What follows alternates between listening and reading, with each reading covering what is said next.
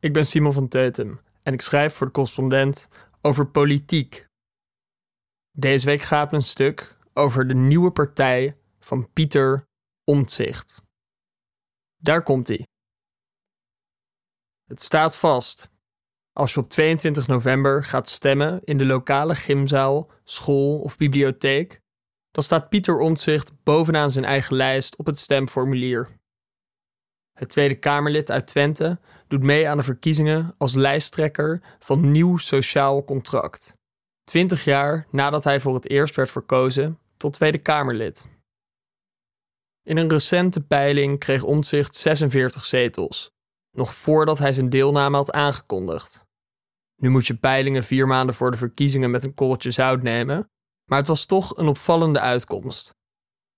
De laatste keer dat een partij in de verkiezingen daadwerkelijk zoveel zetels wist te bemachtigen, is alweer 34 jaar geleden. Nu is daar de nieuwe partij en doemt er een inhoudelijke vraag op.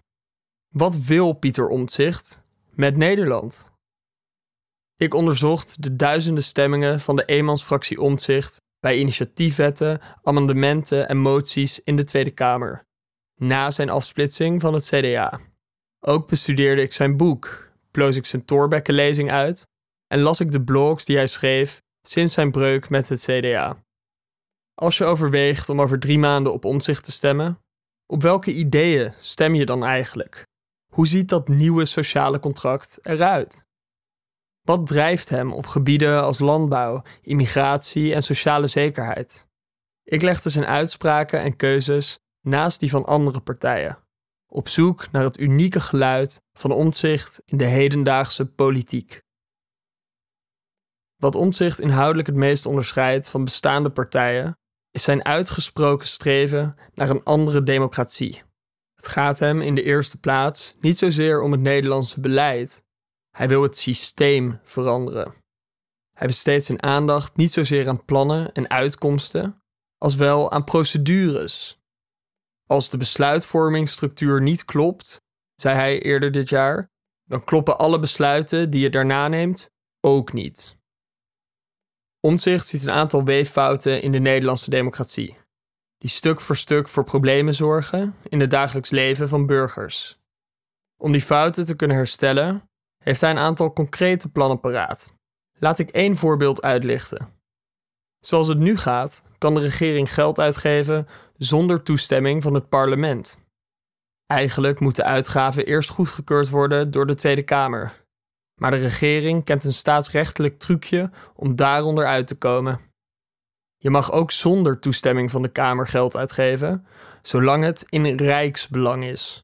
Valt te lezen in artikel 2.27, lid 2 van de wet die gaat over de verantwoording van bestedingen. En of het in rijksbelang is, dat bepaalt de minister. Dat gebeurde de afgelopen jaren tientallen keren. Veelal tijdens de pandemie, maar ook in verband met de oorlog in Oekraïne en de energiecrisis. Volgens Omtzigt is dit gevaarlijk spel. Hij meent dat deze truc ervoor zorgt dat beslissingen hals over kop worden genomen. Zoals die over de compensatie van de toeslagenaffaire. Een kleine club bewindspersonen in het katshuis besloot dat iedere ouder die slachtoffer was 30.000 euro zou krijgen zelfs als ze voor een kleiner bedrag benadeeld waren. Geen kleine beslissing. En toch was er geen discussie over in de Kamers, geen instemming van het parlement nodig en geen kans voor uitvoeringstoetsen. Twee jaar later staan de ergste slachtoffers op lange wachtlijsten en krijgen mensen met kleine schade enorme zakken geld. Kostenplaatje 7,1 miljard euro. En het wordt alleen maar meer. Het punt van omzicht is dit. Als er geen trucs waren toegepast en de wet gewoon was ingediend, dan had feedback van de Kamer, de Raad van State en de Belastingdienst dit fiasco kunnen voorkomen. Omtzigt wil het daarom onmogelijk maken voor de regering om geld uit te geven zonder toestemming vooraf. Hoe zit het dan met noodgevallen? Dan vergadert het parlement maar een keer op zaterdag, schreef hij. Omzicht lijkt de kritische blik van de Tweede Kamer in dit verhaal wel wat te overschatten. Zo voerde de oppositie de druk op om juist sneller en nog royaler te compenseren. De beslissing die werd genomen in het katshuis lijkt dan ook verdacht veel op de motie van PvdA'er Henk Nijboer, die op steun van vrijwel de hele oppositie kon rekenen. Bovendien, buiten omzicht om, lijkt niemand in de Kamer wakker te liggen van die miljarden aan overcompensatie.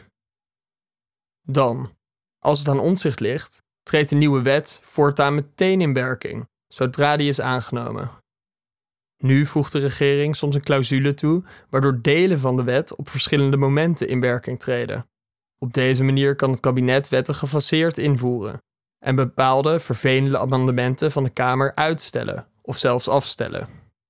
Dit gebeurde bijvoorbeeld bij amendementen van de SP over de aardbevingsschade bij Groningers. De afgelopen zeven jaar waren er volgens Omtzigt bovendien 13 fiscale wetten die maar gedeeltelijk in werking zijn getreden. Toch kunnen er best goede redenen zijn voor het gefaseerd invoeren van een wet. Dat zit hem deels in implementatie.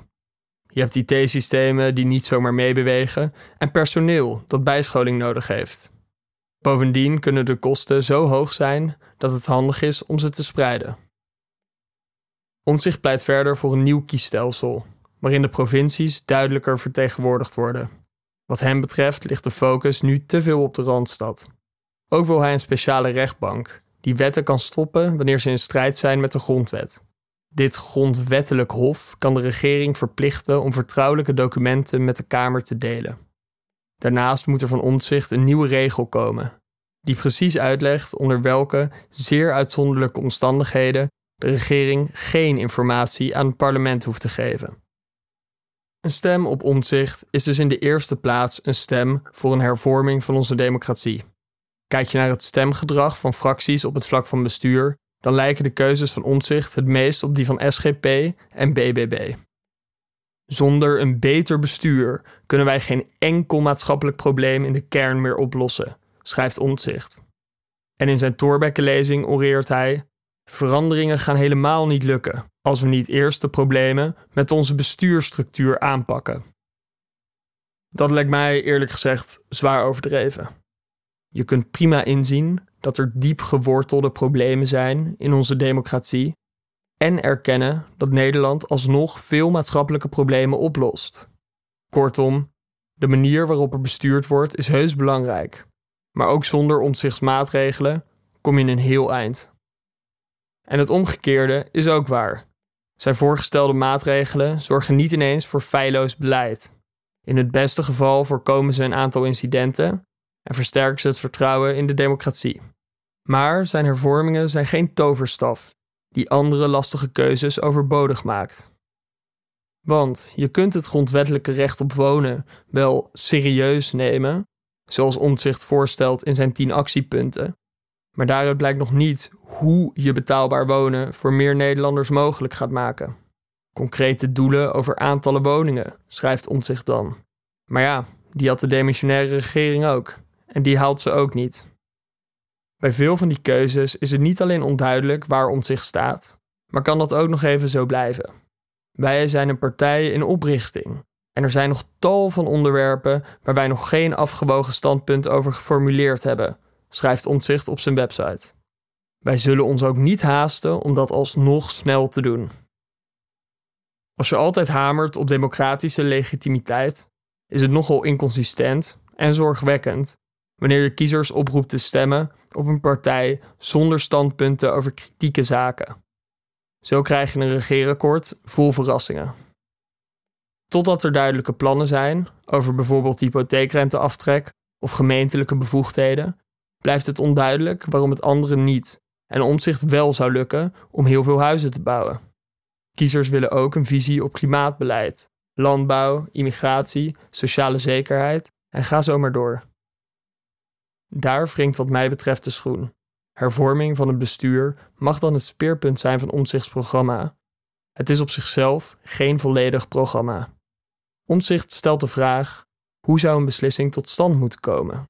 De vraag welke beslissing om zich vervolgens zou nemen, blijft vaak onbeantwoord. Misschien laat hij juist die ambiguïteit voor hem werken. De kiezer kan zijn eigen standpunten nog op omzicht projecteren. Zoals journalist Tobias den Hartog vorige maand zei in het AD: iedereen maakt van Pieter Omtzigt zijn eigen messias. om toch uit te vinden waar hij voor staat, kunnen we zijn stemgedrag onder de loep nemen. Met welke partijen vertoont dit de meeste overeenkomsten? Ik was niet de enige die de afgelopen weken met dit idee bezig was. Want NRC heeft hier gelijktijdig een mooi overzicht van gemaakt, waaruit bleek dat je hem moeilijk als links of rechts kunt kwalificeren. Kijk je naar alle 8587 stemmingen van Omtzigt sinds 16 september 2021, toen hij begon als eenpitter, dan zie je dat hij het minst overeenkomt met Forum voor Democratie, bij 1 en de PVV. Hij heeft daarentegen de meeste overeenkomsten met de SGP, gevolgd door de boerburgerbeweging. Maar vergis je niet, ook tussen deze partijen zijn er flinke verschillen. Bij meer dan een vijfde van de stemmen maakt Omtzigt een andere keuze dan Van der Plas. Daarmee heeft bijvoorbeeld Denk een vergelijkbare overlap met BBB. Wie had dat gedacht? Op het gebied van landbouw stemt Omtzigt wezenlijk anders dan BBB. Van der Plas schuurt op dat vlak dichter tegen de radicaal-rechtse partijen aan. Ja21, PVV en Forum voor Democratie. Ik ben niet de politiek ingegaan om de vleesindustrie te beschermen, zei Omtzigt eerder tegen een groepje scholieren in het Tweede Kamergebouw. We hoeven van zijn nieuwe partij dus geen BBB Light te verwachten. In de schepping is geen plaats voor hokdieren, zei hij in de Tweede Kamer zelf. Het heetste hangijzer van deze verkiezingen is misschien wel immigratie. Omtzigt heeft zich tot nu toe nauwelijks uitgelaten over thema's zoals arbeidsmigratie of vluchtelingen. Toen Trouw hem in 2020 als kandidaat lijsttrekker van het CDA vroeg naar zijn standpunt over migratie en integratie, antwoordde hij: Ik ben voor de elementaire rechtsstaat en ik strijd voor mensenrechten. Desondanks stemde hij eerder dit jaar in met een voorstel om asielzoekers in centra buiten de Europese Unie op te vangen. Een vergelijkbaar plan van de Britse regering, dat voorzag in opvang in Rwanda, werd vorig jaar door het Europees Hof voor de Rechten van de Mens tegengehouden. Aan zijn stemgedrag zien we dat hij op dit thema het minst aansluit bij Forum voor Democratie en PVV. Mensen met radicaal rechtse opvattingen moeten hun hoge verwachtingen van hem dus misschien bijstellen. Alleen met de SGP heeft hij meer dan driekwart overlap op dit thema.